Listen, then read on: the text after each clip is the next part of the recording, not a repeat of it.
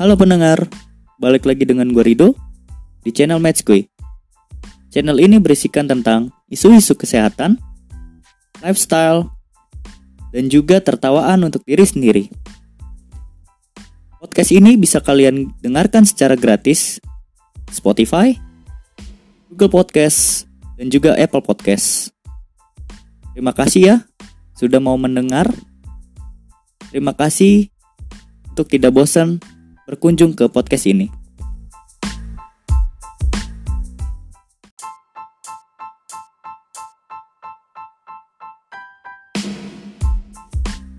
Apa kabar kalian semua?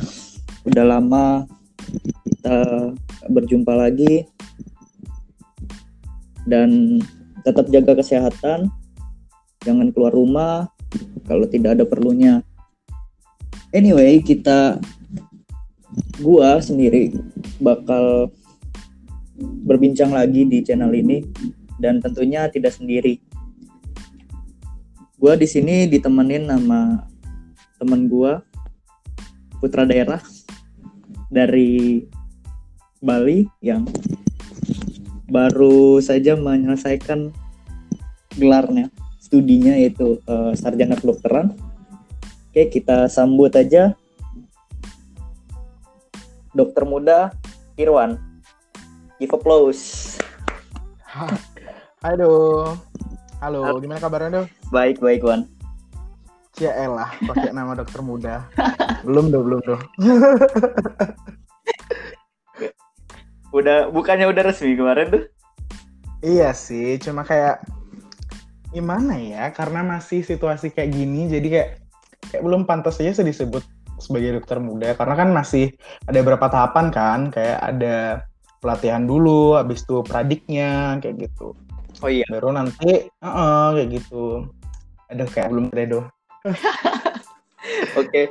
berarti udah kelar esket nih udah nggak ngabis lagi nih Wan Hah? masih sih masih hmm. masih masih tetap bervisi ke depan sih Gimana gitu dong. Gini dong, sebenarnya kalau semuanya dibilang ambis itu kayak konotasinya itu kalau didengar sama teman-teman pasti konotasinya agak negatif gitu kan do ya. Hmm. Tapi kalau aku tuh pengen ganti kata ambis itu sebagai sebuah kata yang lebih apa ya konotasinya lebih bagus aja, lebih positif, yakni bervisi ke depan kayak gitu. Nah, bervisi ke depan itu kalau dalam artianku adalah kita tuh punya visi atau punya tujuan kita yang ingin kita capai ke depannya. Hmm. Nah, kalau aku pribadi sih uh, memang kalau semuanya aku hidup sekarang, aku benar sih untuk lima tahun lagi. Nah, kalau semuanya aku sekarang nih di chapter yang kedua kan jadi dokter muda atau di koasnya sekarang, kira ya bagaimana ya cara aku biar lima tahun ke depan sesuai dengan cita-cita apa yang aku inginkan kayak gitu. Wow. Jadi kalau semuanya kesannya ambis itu kesannya pasti kesannya negatif sih kayak uh, ya konotasinya negatif kan do ya seperti kita hmm. tahu kayak ya ambis banget sih lo kayak gitu. Nah tapi kalau aku pengen ganti itu jadi bervisi ke depan kayak yang aku bilang tadi itu. Eh kenapa sih anak FK tuh kok nggak mau dibilang ambis ya? Kenapa ya nggak bukan nggak mau dibilang ambis sih.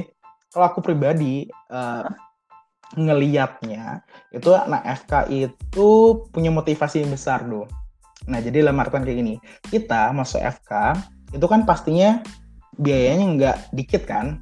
Nah biayanya betul, pasti betul. ya menang ke atas lah, maksudnya biayanya itu ya bisa dibilang nggak sedikit kayak gitu.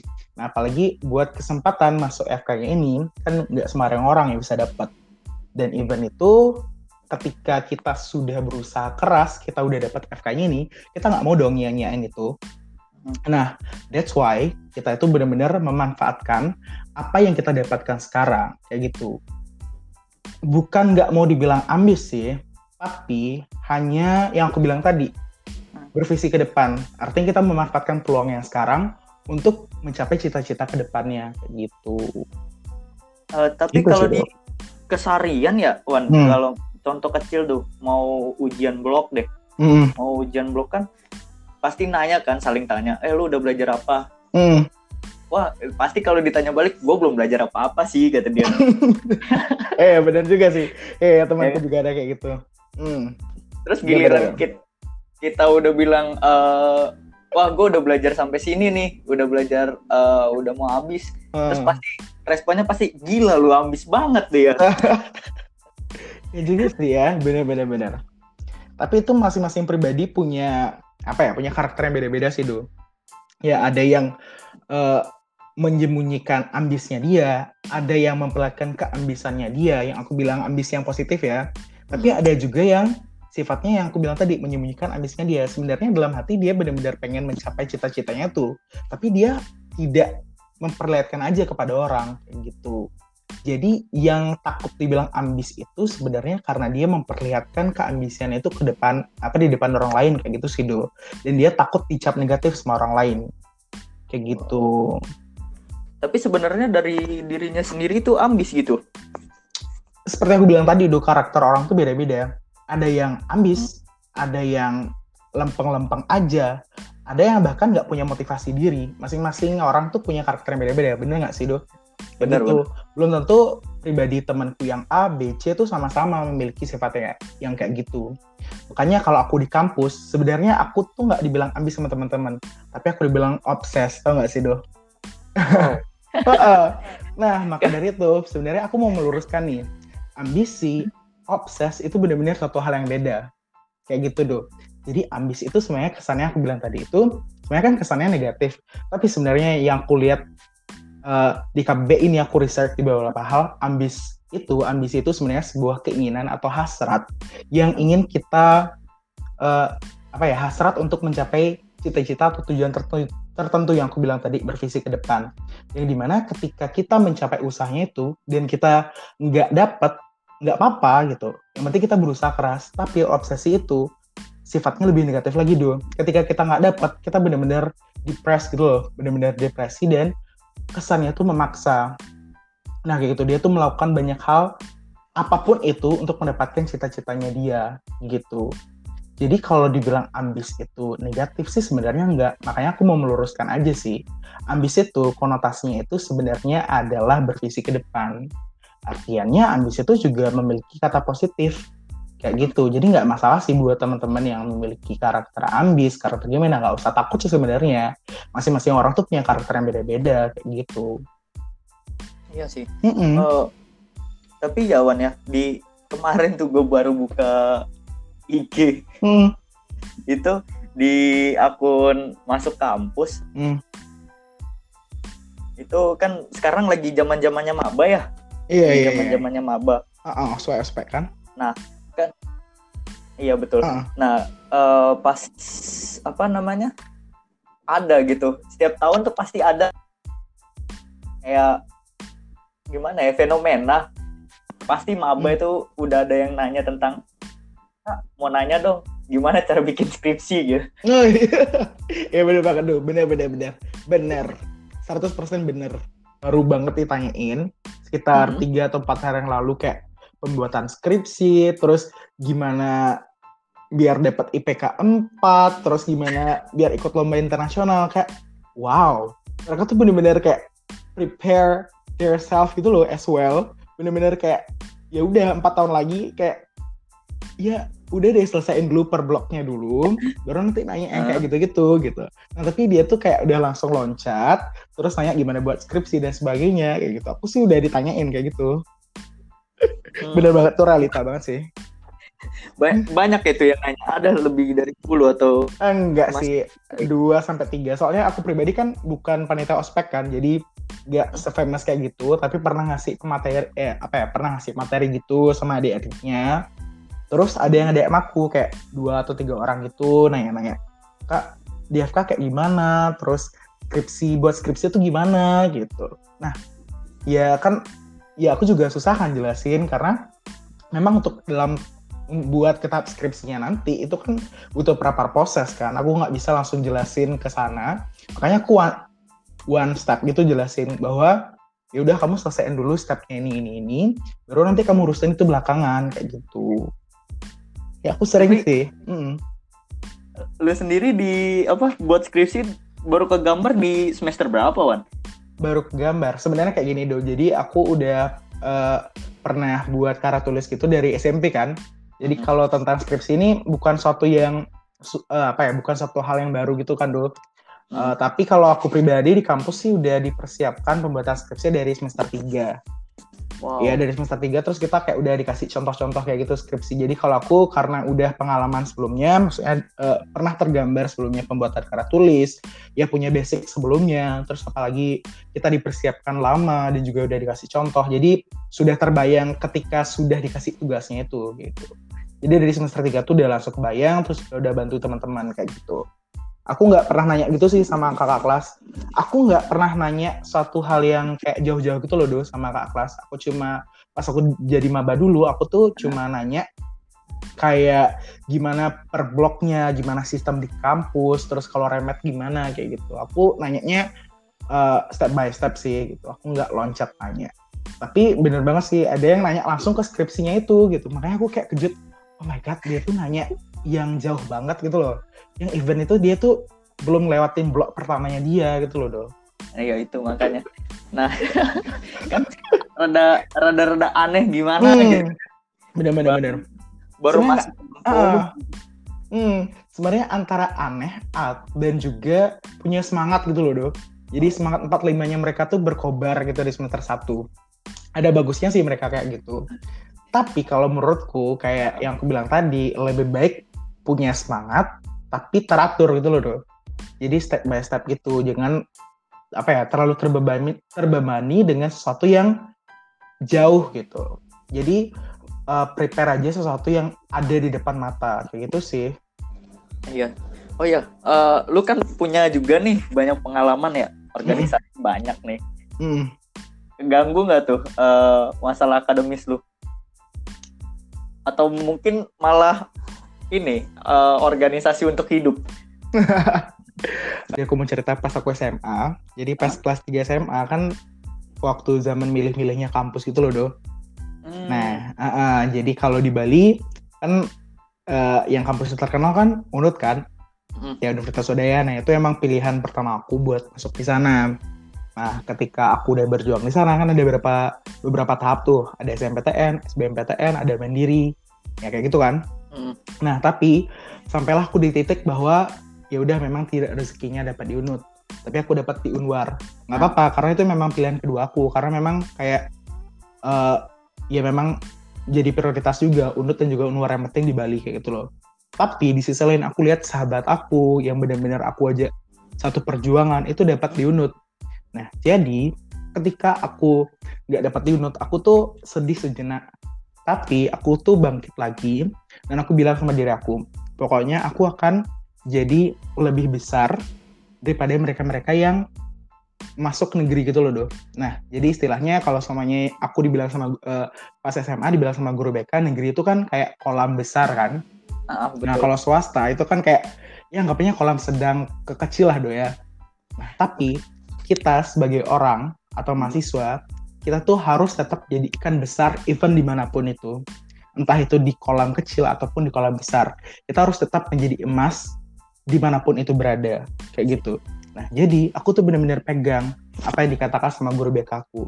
Dan aku benar-benar bersabda apa ya bersabda pada diri aku sendiri pokoknya aku harus lebih hebat daripada mereka.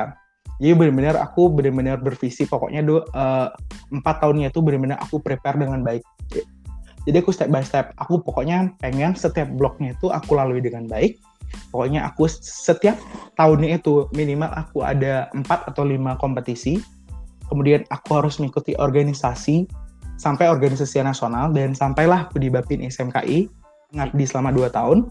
Kemudian aku ingin banget lomba untuk di luar negeri atau lomba internasional dan itu juga kesampaian.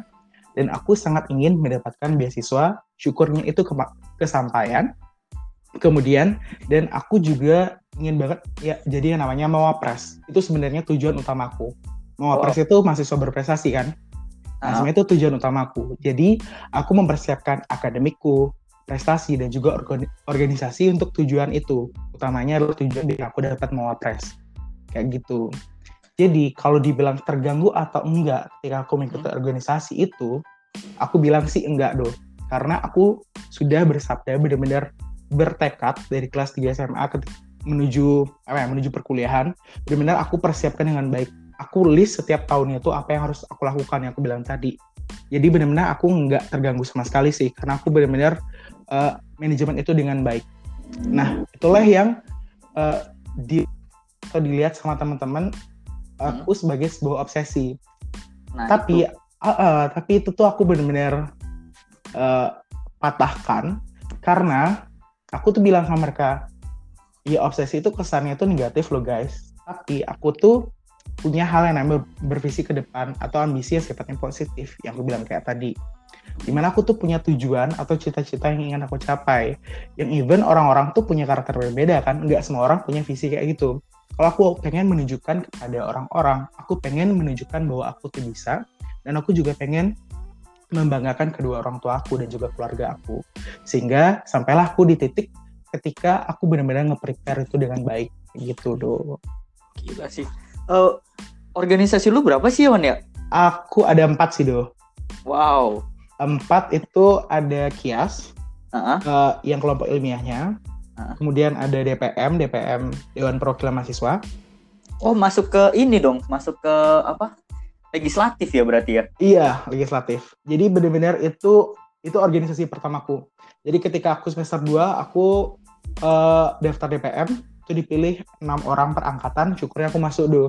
Jadi kenapa aku milih DPM? Jadi aku itu berpikir bahwa aku bakal bisa tahu lebih banyak tentang apa ya sifatnya legislatif kampus ketika aku masuk DPM. Jadi aku benar-benar tahu uh, gosip-gosip kampus, bisa juga uh, memecahkan masalah kayak gitu. Jadi aku tuh ya udah pengen masuk DPM. Eh, Baru ya, tapi, uh, kayak gitu. Sih, uh, di kampusmu ada statement gak sih uh, ketika masuk legislatif tuh biasanya ya kalau di hmm. kampusku sendiri itu hmm. anak anak angkatan pertama tuh nggak akan hmm. boleh. Anak angkatan pertama gimana? Angkatan pertama ya jadi kayak misalnya maba nih kan tahun 2020 oh. Ah. Nah pasti dia boleh boleh ikutnya itu di angkatan kedua di, di tahun 2021 nanti gitu. Oh gitu. Enggak kalau aku sistemnya di kampusku nggak kayak gitu dong. Jadi uh, ketika ada maba nih semester hmm. duanya itu dia sudah harus ada perwakilan di DPM di legislatif. Kayak gitu. Itu Jadi magang aku, apa ini? Apa apa namanya? Uh, PHN ya? Uh, dia tuh ada dua dua gini do ada dua sesi. Jadi di tahun pertama itu namanya anggota muda. Jadi hmm. anggota muda itu bener sih kata kamu ada sifatnya kayak magang gitu. Tapi kita benar-benar uh, ini do benar-benar kerja. Jadi sifatnya nggak magang tapi namanya anggota muda. Baru tahun kedua pas aku semester 4 itu baru jadi anggota tetap. Sampai uh, semester 6 kayak gitu. Oh jadi, berarti uh, lumayan lama juga kau Lumayan. Tiga tahun. Tiga tahun. Jadi tiga tahun di DPM, uh. baru dua tahun di Kias, dua tahun di Bapin. Gitu. Mm Tapi keilmiahan udah dari semester awal? Enggak, keilmiahan itu boleh kita ikut waktu semester tiga do. Kayak gitu. Jadi agak sedikit lambat. Jadi ketika semester tiga itu baru uh, bisa jadi anggota mudanya Kias. Oh. Gitu. Terus baru aku ikut Bapin juga di ketika aku semester 4 waktu bulan Januari. Okay. Eh waktu bulan Januari Februari gitu deh. Uh, gitu. Sama lagi satu organisasi kalau seumpamanya di Bali itu kan ada namanya Banjar do ya. Banjar itu, itu Banjar? Banjar itu kayak uh, R, RT RW, jadi perkomplekan gitu. Oh. Uh, uh, jadi mas uh, kita punya banyak adat ya ya sejenis RT RW gitu. Jadi masing-masing banyak adatnya itu punya namanya perkumpulan pemuda. Jadi memang diwajibkan kita ikut perkumpulan pemudanya itu yang namanya Seketruna. Seketruna oh, itu. ya. Uh, uh, iya kayak Karang Taruna gitu. Nah, kayak gitu. Cuma sifatnya basicnya di Banjar, do gitu. Aku aktif di sana dari SMA sampai sekarang. Pokoknya sampai kita akhirnya nikah baru kita lepas dari gitu dari, dari organisasinya itu. itu. Mm. Gitu. Jadi ada gitu. Uh, Wan, ah. kan tadi ngomongin kompetisi tuh. Lu, mm. lu udah sampai ke internasional tuh. Mm. Kalau dari lu sendiri ketika masuk pertama kali ke kompetisi kan, mm. pasti uh, ada nama-nama besar dan langganan ya bisa dibilang langganan juara di sana. Kayak iya, iya. kampus Greek bisa disebut lah UI, Ah, benar. M, Ah, Udayana. benar benar tuh, benar tuh. Itu da- dari lu sendiri minder gak sih ketika lu nyebur ke kolam itu? Wih, gila lawan-lawan gua monster nih ya. Oke, Do. Oke, jadi jawabannya itu satu aja. Enggak, Do. Jadi, Wow. kenapa aku bilang enggak? Karena aku itu sebenarnya udah terbiasa kompetisi itu dari SD, Do. Jadi, ketika kita sudah pernah berkompetisi, menang kalah itu sebenarnya hal yang biasa. Jadi, aku pernah dibilang sama eh, dikasih tahu sama sama siapa ya? Sama ibuku bahwa pemenang yang sesungguhnya adalah pemenang yang bisa eh, apa ya berlapang dada atas kekalahannya dia dan akhirnya belajar dari kekalahannya dia sehingga dia menjadi pemenang di kompetisi selanjutnya. Kayak gitu. Jadi What's tuh guys? mm, gitu coach buat maba-maba nih. Jadi pemenang sesungguhnya kayak gitu. Jadi pemenang sesungguhnya bukan ketika kita kompetisi kita dapat juara. Tapi pemenang sesungguhnya adalah ketika kita benar-benar bisa menerima kekalahannya kita dan kita belajar dari kesalahan kita sehingga kita bisa menjadi juara di next competition. Kayak gitu. Jadi kalau aku ya kalau kamu nanya apakah insecure atau enggak aku bilang sama sekali enggak. Dan itu benar-benar aku juga kasih tahu sama tim aku sama teman-teman atau anggota ya kalau sifatnya kelompok aku kasih tahu ke anggota kelompokku pokoknya jangan insecure kita bawa nama Unwar bukan berarti kita itu kecil. Kita swasta bukan berarti kita itu lemah gitu. Jadi itu tuh tergantung dari pribadi masing-masing kan Do. kemampuan kita tidak diukur dari instansi kita tapi kemampuan kita itu diukur dari seberapa kita berusaha seberapa takdir itu menghantarkan kita pada juara. Kayak gitu. Jadi aku benar-benar kayak ngasih semangat gitu sama teman-teman aku supaya berusaha. Jadi kalau semuanya kita insecure di awal kita bakal nggak menunjukkan performa yang baik pada saat final. Kayak gitu sih. Jadi benar-benar semangat banget benar-benar optimis untuk dapat juara. Dan even ketika kita nggak dapat juara pun doh nggak apa-apa. Kita juga bisa belajar dari kekalahannya itu maka dari itu aku tuh sering bilang bahwa kita tuh harus punya mimpi yang tinggi. Ketika kita punya mimpi yang tinggi usaha kita untuk mencapai mimpinya itu akan tinggi juga. Tapi ketika kita nggak dapat mimpinya itu do kita nggak apa kita akan jatuh di antara bintang-bintang.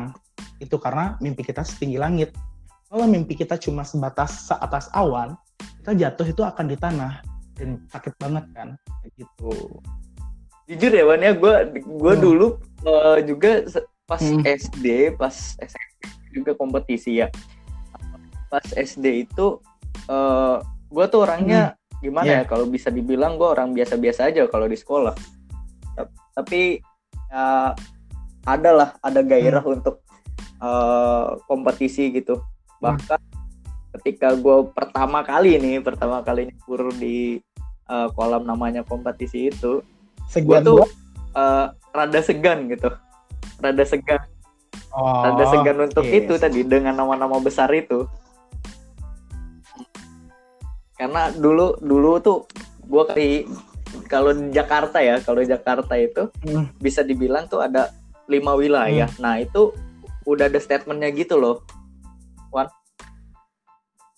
biasanya mo- monsternya tuh di antara Oh, di gitu. Jaksel Oh, ya? atau di Jaktim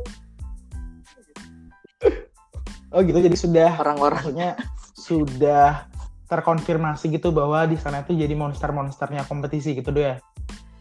Oh ya. Iya, kayak kalau kalau di universitas lah eh, UI sama UGM, Yeah, UNUD, oh, itu yeah. ya univ-univ gede lah, USU. Itu kan pasti bilang Iya, iya, iya. gila lawan lawan kita tuh mantap nih. Terus pasti kalau dari orang awam aja ya, perspektif orang awam aja itu pasti Hmm, ah Iya. pantes dia dari UI gitu kan. Terus pas ngeliat lawan lagi, Hmm. ini siapa sih kalau bicara orang awam ya? Siapa sih ini? Hmm. Kok dari Unwar? Kok dari Trisakti? Ah, paling ini mah Iya, penghias iya, iya. kompetisi Pasti ada gitu kan. kecil kayak gitu sih. Bener banget sih. Tapi kamu sampai sekarang juga masih insecure gitu doh? Atau maksudnya atau optimis? Atau masih rada-rada takut gitu sama nama-nama besar kalau- itu? uh, kalau untuk takut enggak tapi gue selalu Ah, bilang bener-bener. ke diri gue tuh belajar pasti ada Hmm. pasti ada Hmm, kelemahannya iya. mereka mereka sama itu aku gitu. juga kayak gitu sih kayak ya udah kita lihat apa ya kita belajar dari kelebihannya mereka dan kita juga lihat kelemahannya mereka itu di mana gitu jadi kita benar-benar bisa ngebit atau ngeluarin mereka itu di bagian di sananya gitu jadi benar-benar kalau semuanya mereka dapat juara aku belajar banget dari bagaimana mereka stage act-nya mereka Hmm. gimana karyanya mereka terus gimana mereka performanya mereka benar-benar aku belajar dari sana dong gitu. dan kau juga kayak gitu ya Iya sih. sama kan? Hmm, kayak gitu, sama. Iya. Tapi jujur kalau di awal pasti, wih gila ini Hmm, kalau di Jakarta sendiri itu ya ada stat, ada eh, untuk kompetisi itu pasti yang menang ah, orang-orang eh, Hmm. Chinese, kalangan Chinese. Itu wah penghias kompetisi Iya, iya, iya. panggung itu. iya iya sih sama sih. Kalau semuanya aku dulu pas Yap. SD SMP bener-bener kayak ya udah apa ya kayak orang-orang di pasar tuh pasti kayak Hmm. udah number one gitu loh dong. Kayak bener-bener ya udah mereka udah satu dua tiga tuh udah di tangan gitu. Nah kalau aku kan eh, kayak asalnya tuh kan dari de- desa gitu kan bukan desa sih maksudnya kayak agak pedesaan gitu kan bukan kayak perkotaan. Jadi- sebenarnya awalnya insecure juga sih dulu-dulu gitu. Tapi aku belajar belajar belajar bahwa oke kalau semuanya kita insecure hasilnya akan bagus, nggak akan bagus.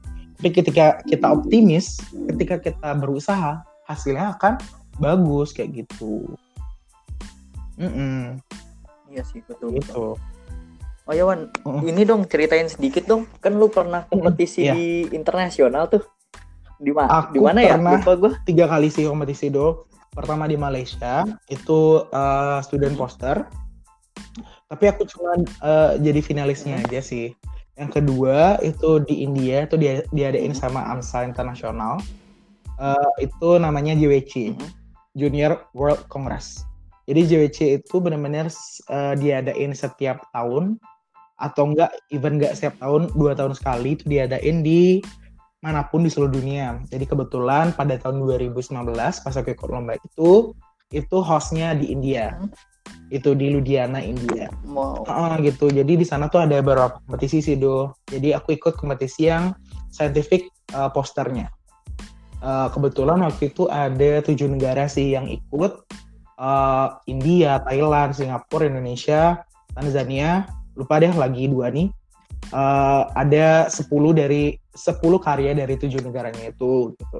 Jadi cari dua juara itu kebetulan ya syukurnya kita dapat juara gitu juara duanya juara satunya dari India kayak gitu nah kompetisi yang ketiga itu di New Zealand do Eh, tentang travel health tentang apa namanya kesehatan pariwisata tapi karena corona jadi dipospon gitu Wow. gitu sih do mau diceritain pengalaman yang mana eh, ini deh cara lu dapat info Oh, iya. lah, berbagilah ke pendengar-pendengar gua Oke nih. oke oke. Jadi aku mau ngasih tahu juga sama Maba nih, sama mahasiswa baru yang benar-benar semangat banget, kayak ya benar-benar totalitas lah kalau kalian ingin cari-cari prestasi, benar-benar prestasi akademik itu.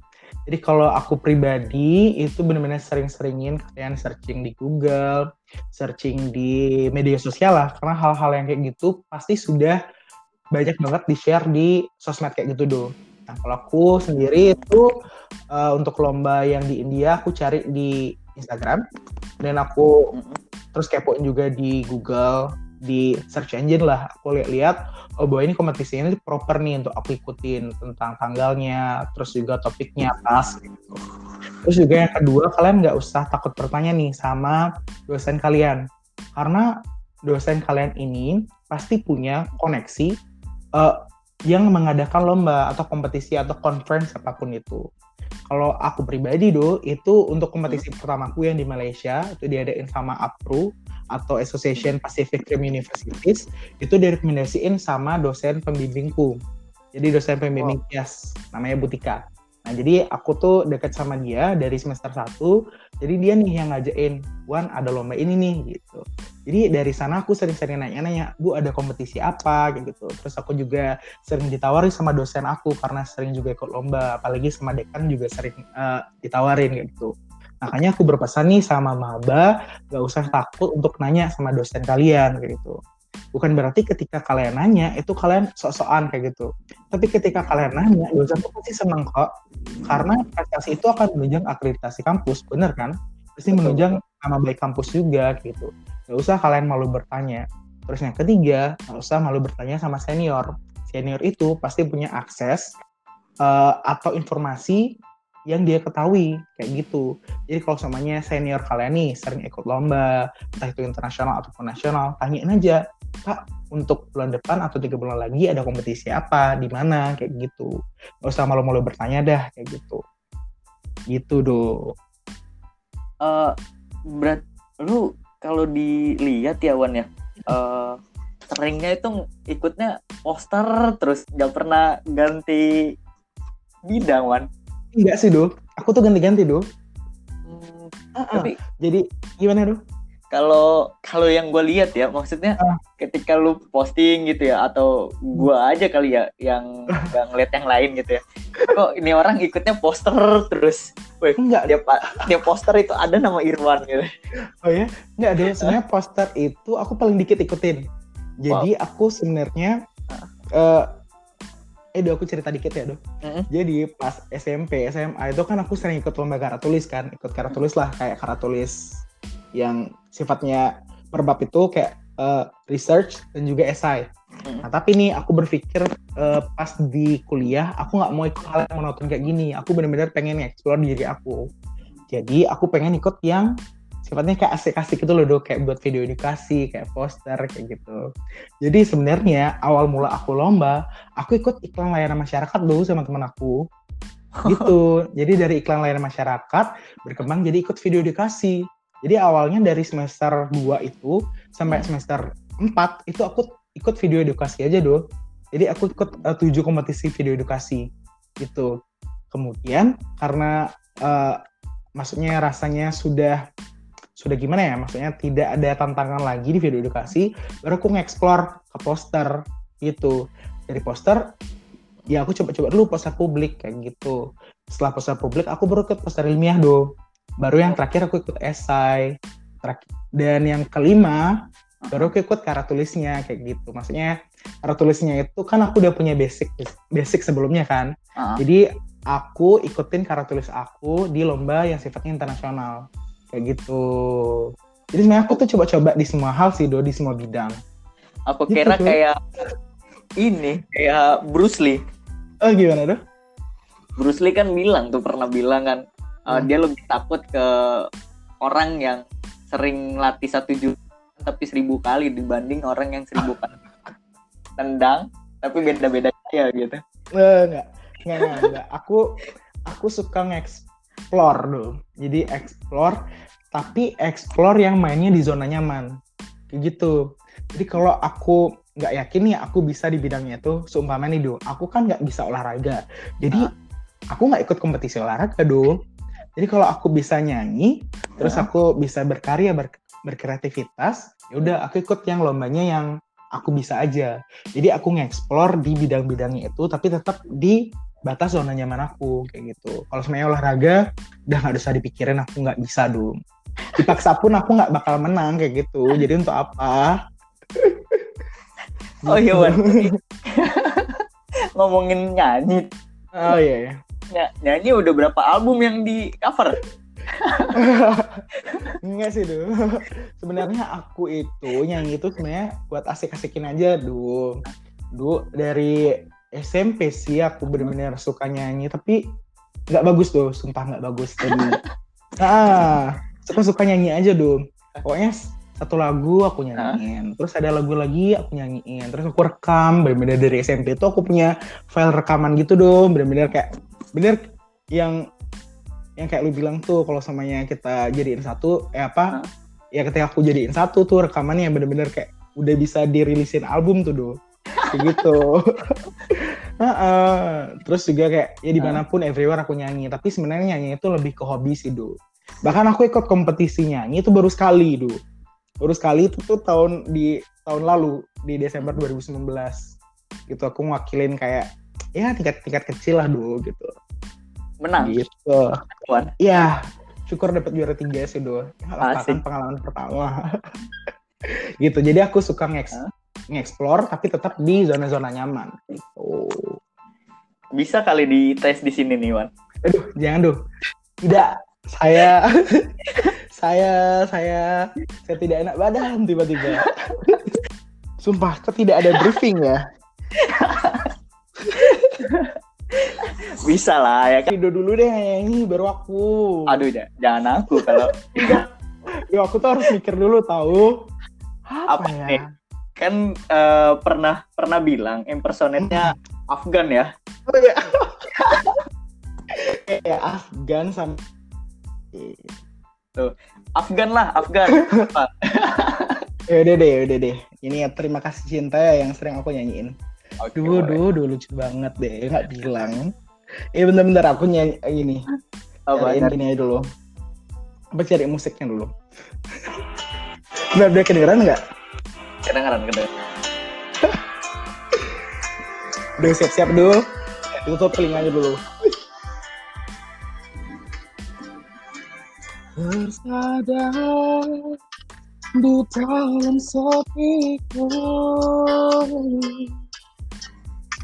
Setelah jauh melangkah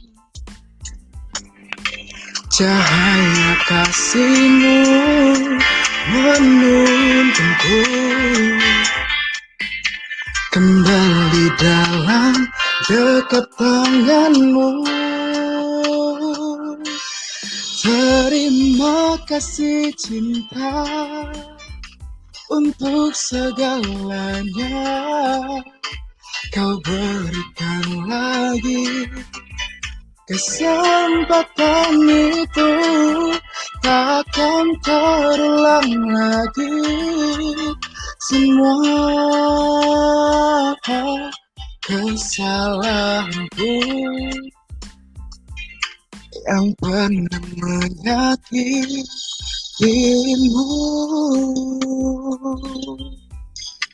Udah, udah, udah Asik. aduh, aduh, sumpah.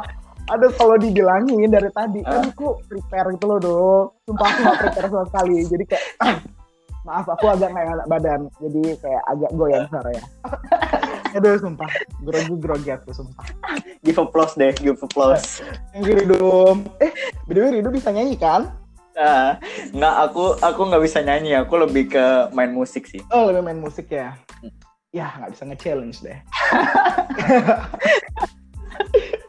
aduh. Tidak bisa. Ntar aku jadinya jatuhnya malah yang denger podcast nggak jadi denger gitu. Aduh, aduh tidak tidak semoga jadi dengar kalau dengar suaraku. Ya, maafkan, maafkan. Oke oke, back to topic yuk. Oke oke oke. Topik. Oke. Eh, apa namanya kan lu tadi udah cerita tuh Wan. Kenapa sih lu eh, dalam satu waktu ya bilang satu waktu akademisi, terus lu juga organisasi, terus juga ada lomba-lomba gitu loh. Mm, Lu kenapa sih mau ngejalanin itu? Oke. Jadi yang seperti aku bilang tadi do, jadi aku punya target uh, utama itu ikut Mawapres.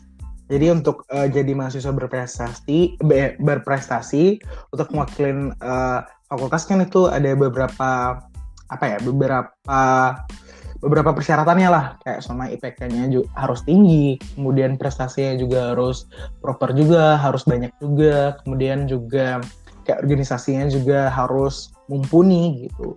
Jadi buat prepare yang kayak gitu, aku preparein uh, sedemikian rupa yang aku bilang tadi. Jadi aku siapkan organisasiku, aku siapin akademisiku dalam tahap akademis yang sifatnya kayak IPK. Kemudian aku siapin juga prestasiku.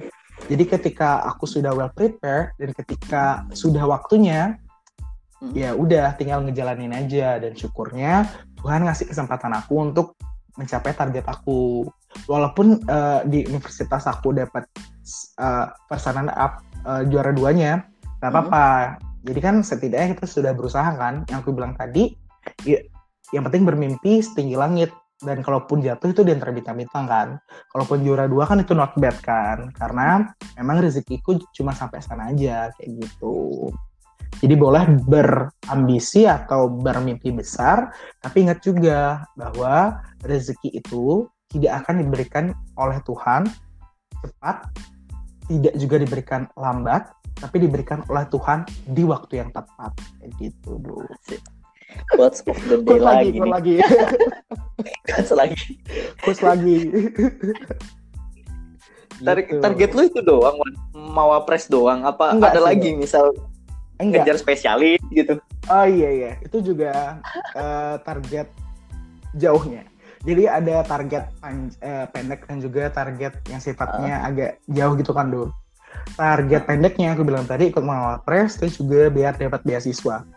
Kemudian juga biar eh, memperlihatkan kepada teman-teman aku yang dapat negeri bahwa even aku di swasta pun aku bisa berprestasi juga. Aku pun bisa setara ataupun lebih tinggi daripada teman-temanku gitu. Bukan berarti hmm, gimana ya kayak menjelek-jelekan mereka tapi setidaknya aku bisa prove myself kayak gitu kemudian untuk target jauhnya itu biar ngejar spesialis juga dong kayak gitu karena kita tahu bahwa untuk eh, jadi dokter spesialis atau PPDS-nya itu kan perlu prepare sedemikian rupa kan tidak hanya yang sifatnya IPK doang yang dipersiapkan tapi juga banyak hal dong ya eh, bahasa Inggris kayak prestasi juga tentunya kayak gitu. Jadi aku benar-benar prepare satu persatu, step step by step buat mimpi aku jadi dokter spesialis kayak gitu. BDW Rido Inter gimana? spesialis apa, Wan? Oh ya, aku ditanya dulu ya. Oke, jadi aku Ah. pengen itu ada dua dua sih kepikiran. Pertama jadi objin, terus yang kedua Asik. eh gini apa ya penyakit dalam internal kayak gitu dua tapi kalau even nggak dapat duanya itu nggak apa-apa sih tergantung takdir Tuhan juga kayak gitu yang penting kita mempersiapkan sebaik mungkin kalau Rido pengennya apa Duh? Oh, kalau kalau aku sih yang baru tergambar ya, yang baru dicapai itu baru eh, spesialis kulit SPKK, asik kulit atau kelamin Duh? kulit dan kelamin dong. kan tidak bisa tidak bisa dipisahkan itu. sudah tahu kenapa anda mencari itu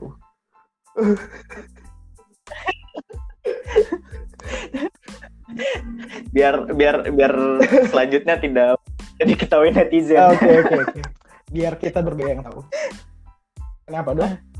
yang kedua Kalau selain ya sih bel- eh, sejauh ini pengen interna sih. Oh ya, asik. Ah, semoga ditakdirkan apa pun itu. Amin amin amin. Amin ya.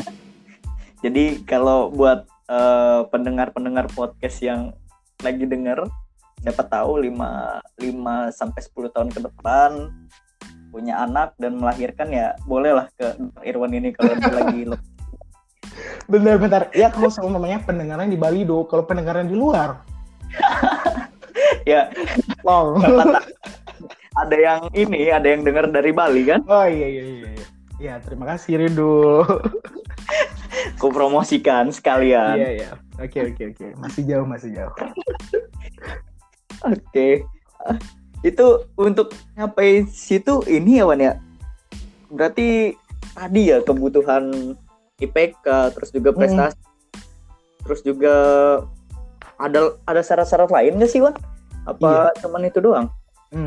Kalau aku pribadi sih aku baru search sekitar pas corona corona gitu loh dong. Jadi pas corona kayak ya udah deh lihat-lihat syarat-syarat PPDS gitu. Jadi aku lihat masing-masing kampus itu secara garis besar sih punya syarat yang sama, tapi tidak sama persis gitu. Jadi setiap kampus entah itu UNUD, UGM, UI ataupun kampus lainnya di Indonesia yang support buat PPDS itu punya syarat yang beda-beda. Nah, kalau yang aku lihat di UGM, kalau nggak salah nih dulu ya, itu yang penting pertama ada IPK, itu kita harus dapat nilai di atas 2,75 untuk yang kampus kita yang akreditasi A, atau 3 untuk akreditasi C. Kemudian juga ada yang kedua yaitu nilai TPA-nya atau tes potensi akademiknya dia untuk eh, tes di sananya atau tes PDS-nya. Kemudian yang ketiga tes TOEFL atau tes yang sifatnya bahasa Inggris entah Mhm. itu TOEFL, entah itu tes lain deh yang eh, di maksudnya yang diinginkan oleh kampusnya tuh. Jadi yang yang aku bilang tadi kan beda-beda nih. Ada yang ingin TOEFL atau tes-tes lainnya. Hmm. Kemudian yang keempat itu surat rekomendasi. Yaitu surat rekomendasi dari eh, apa namanya? dari ID apa ya ID di ID cabang kota kita ataupun surat rekomendasi dari tempat kita akan bekerja atau tempat akan mengabdi. Kemudian ada deh surat rekomendasi yang sifatnya pribadi. Entah itu rekomendasi dari dekan kita terdahulu ataupun rekomendasi dari pembimbing akademik kita. Pokoknya orang yang mengetahui kita lah seluk beluk pas kita mahasiswa. Kemudian juga ada beberapa persyaratan lainnya yang benar-benar kalian bisa lihat aja di website-website kampus yang kalian inginin gitu. Berarti harus punya ini juga ya. Eh, satu harus punya prestasi, terus juga kedua harus dekat dengan pembimbing dong. Hmm, benar juga sih. Iya, benar. Punya prestasi, entah itu prestasi yang IPK atau prestasi akademik kayak juara-juara gitu. Hmm. Terus juga harus mumpuni di bahasa Inggris juga kan, tuh karena kan TOEFL-nya juga harus gede juga. Kemudian juga channelnya juga harus gede. Maksudnya dalam artian kayak gini, kita juga harus kenal, entah itu kepada supervisor kita di rumah sakit, ataupun pembimbing akademik kita di kampus, kita benar-benar harus make channel kayak gitu loh, Do. Make a Iya. connection, sehingga ketika kita sudah waktunya kita cari PPDS, kita bisa minta rekomendasi dari mereka-mereka yang benar-benar tahu gimana sih kemampuan kita, gimana apa ya attitude-nya kita gitu, sehingga kita bisa menjadi eh, dongkrakan gitu ketika kita ingin masuk di PPDS di kampus yang kita inginin kayak gitu. Hmm, Berarti kalau dari kata lain ya Wan, gue Hmm. cermatin itu orang yang mahasiswa kupu-kupu rugi dong ya. Sebenarnya gini dong, aku sempat baca gini. Kalau jadi mahasiswa kupu-kupu itu ada pro ada kontranya. Kalau kamu jadi mahasiswa kupu-kupu yang sifatnya kuliah, kemudian pulang dan tidur, itu tentunya bakal memberikan efek jelek kepada kamu kan. Tapi kalau seumpamanya kamu kuliah, terus pulang, terus ketika pulang di rumahnya itu memanfaatkan waktu dengan baik, entah itu belajar, kemudian mengasah soft skill, kemudian juga mencari prestasi, itu baik do, kayak gitu. Jadi eh, kupu-kupu itu kita maksudnya tergantung the way yang kita lakukan atau jalan yang kita lakukan. Kalau kita manfaatkan kupu-kupunya itu dengan baik, ya udah hasilnya akan baik gitu. Tapi kalau aku saranin kepada maba, jangan jadi mahasiswa yang hanya kupu-kupu doang sih. Eh, jadilah mahasiswa yang benar-benar aktif di bidang organisasi dan benar-benar berkontribusi buat institusi kalian. Karena kuliah itu bukan hanya sekedar urusan diri sendiri aja, bukan hanya urusan pribadi saja, tapi lebih dari itu, kuliah adalah urusan untuk mendewasakan diri. Di mana mendewasakan diri itu tidak hanya kita berkontribusi kepada diri kita, tapi juga berkontribusi kepada orang lain, dan tentunya kontribusi kita juga berdampak kepada institusi. Itulah definisi dari mahasiswa yang menjadi dewasa. Kayak gitu, Do. Quote of the day lagi. Words of the day. Oke, gitu. Jadi buat maba-maba sini, kalau so- ya maba-maba yang dengerin podcast yang kita, itu kalau soalnya pengen jadi mahasiswa kupu-kupu, jangan deh dulu gitu. Pokoknya manfaatkanlah waktu 4 tahun itu dengan baik. Tapi kalau semuanya kupu-kupu, maksudnya pulangnya dia, itu ada alasannya kayak bantu orang tua, dan dia memanfaatkan waktu dengan baik, ya apa-apa, it's okay gitu. Karena kita nggak bisa, apa ya, kayak eh, menggertak orang sesuai dengan keinginannya kita kan, Dur. Kita nggak tahu bahwa dia tuh pulang dengan tujuan apa gitu. Iya, kita nggak tahu sama sekali dan kita nggak boleh ngejudge mereka itu kayak gimana. Tapi alangkah baiknya yang seperti aku bilang tadi, manfaatkanlah waktu sebaik mungkin kayak gitu. Kita juga maba loh Wan. Iya, saya lupa. iya, maba ini ya, maba gini ya tahap klinik. Oh Iya. iya. Aduh, lupa diri kan, Du. Iya, oke. Entah itu maba preklinik ataupun klinik, Eh, ingat, jangan jadi mahasiswa kupu-kupu kalau Hah? kalian punya waktu lebih gitu aja. kita udah di penghujung acara ya. Oh iya, Udah waduh. udah kerasa lama. udah lama banget kita nih udah berbincang-bincang. Aduh, aku ngerasa cuma 5 menit, Du. mungkin uh, nanti juga kalau uh, lama-lama hmm. takutnya pendengar nih bosan nih. Iya, yeah, oke okay, oke. Okay, okay. Pendengar pendengar suara kita. Oke, okay, uh, thank you Wan udah join ngobrol okay. bareng gua di sini. Thank you juga untuk uh, pendengar yang masih setia lah di channel Matchkui. Jadi uh, kalau misal ini merasa bermanfaat ya boleh diteruskan untuk mendengar kalau rasa ah ini podcast nggak penting nih ya, ya bisa, bisa aja di skip ya bisa di skip dan uh, kalau suka jangan lupa follow di Spotify di channelnya biar tahu update-update uh, selanjutnya. Oke gue tutup podcastnya uh, selamat malam